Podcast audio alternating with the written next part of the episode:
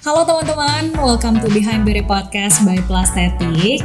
Di episode pertama ini, yuk kita bahas 9 pernyataan mengenai rinoplasti atau operasi hidung yang paling sering kita dengar.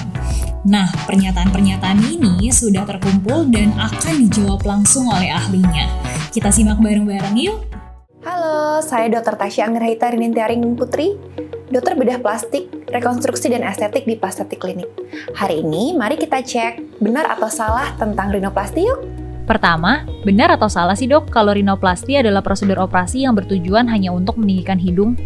Hmm, kurang tepat. Karena prosedur rinoplasti itu selain berfungsi untuk mempercantik hidung dan meninggikan hidung, prosedur rinoplasti juga berfungsi sebagai kesehatan karena bisa uh, memperbaiki fungsi hidung yang sudah tidak baik lagi, seperti hidung yang miring atau nafas yang tersumbat. Kedua, benar atau salah kalau rinoplasti hanya bisa dilakukan dengan implan saja? Uh, kurang tepat ya karena prosedur rinoplasti terutama di plastik klinik kita menggunakan campuran dari tulang rawan dan implan. Untuk tip atau ujung hidung kita menggunakan tulang rawan, untuk batang hidung kita menggunakan implan atau kita bisa menggunakan murni tulang rawan baik dari telinga maupun dari iga. Ketiga, benar atau salah kalau rinoplasti memiliki hasil yang permanen? Sebenarnya relatif permanen ya kalau menggunakan implan. Kalau misalnya dalam jangka waktu yang sangat lama tidak ada keluhan, itu tidak perlu diambil uh, lagi atau tidak perlu diapa-apakan. Tapi kalau misalnya menggunakan tulang rawan telinga atau tulang rawan iga, itu sebenarnya hasilnya cukup permanen loh dan bertahan seumur hidup. Keempat, Benar atau salah? Kalau rinoplasti dapat menyembuhkan penyakit sinusitis. Jadi prosedur rinoplasti itu kita merubah struktur dari hidung itu sendiri ya. Jadi hidung yang tadinya pendek kita tinggikan sehingga pasien uh, memiliki lubang hidung yang lebih lebih lebar, lebih tinggi, dan juga otomatis bernafas lebih lega. Jadi pasien-pasien sinusitis yang sudah melakukan operasi rinoplasti itu biasanya memiliki nafas yang jauh lebih lega daripada sebelumnya. Kelima, benar atau salah bahwa bentuk hidung pasien terlihat tidak natural setelah melakukan rinoplasti? Salah karena kita bisa membuat hidung sesuai dengan bentuk wajah pasien. Jadi sesuai dengan cocoknya dia seperti apa. Apabila pasien ingin bentuknya natural, kita bisa mewujudkannya dengan rinoplasti.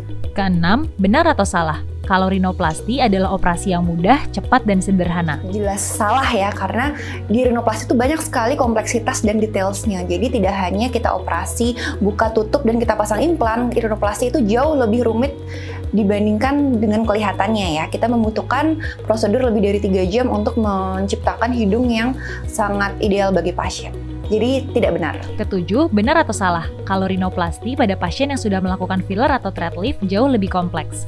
Betul sekali karena proses rinoplasti yang sebelumnya sudah menggunakan filler maupun benang itu kita harus menghilangkan dulu filler dan benangnya baru kita ukur-ukur seberapa tepat tindakan rinoplasti itu kita lakukan. Dan juga untuk uh, untuk proses pemulihannya juga jauh lebih lama daripada eh, hidung-hidung uh, yang tidak pernah dilakukan benang ataupun filler. Kedelapan, benar atau salah bahwa semakin mahal prosedur rinoplasti menjamin prosedur tersebut tidak membuat hidung jadi jebol? Itu adalah pernyataan yang salah ya, karena yang penting itu bukan semakin mahal prosedurnya, namun apa teknik yang digunakan.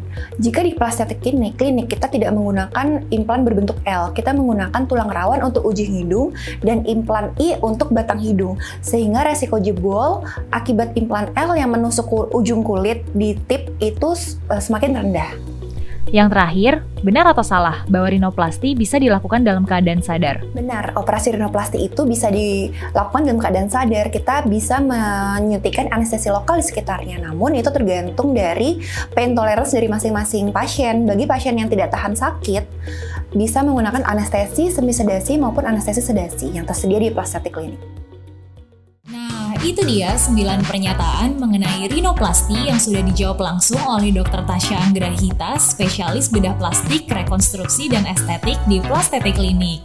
Selanjutnya, kamu bisa loh request pembahasan yang pengen kamu dengar melalui Instagram at plastetik.klinik. Nantikan Behind Beauty Podcast episode selanjutnya. Bye!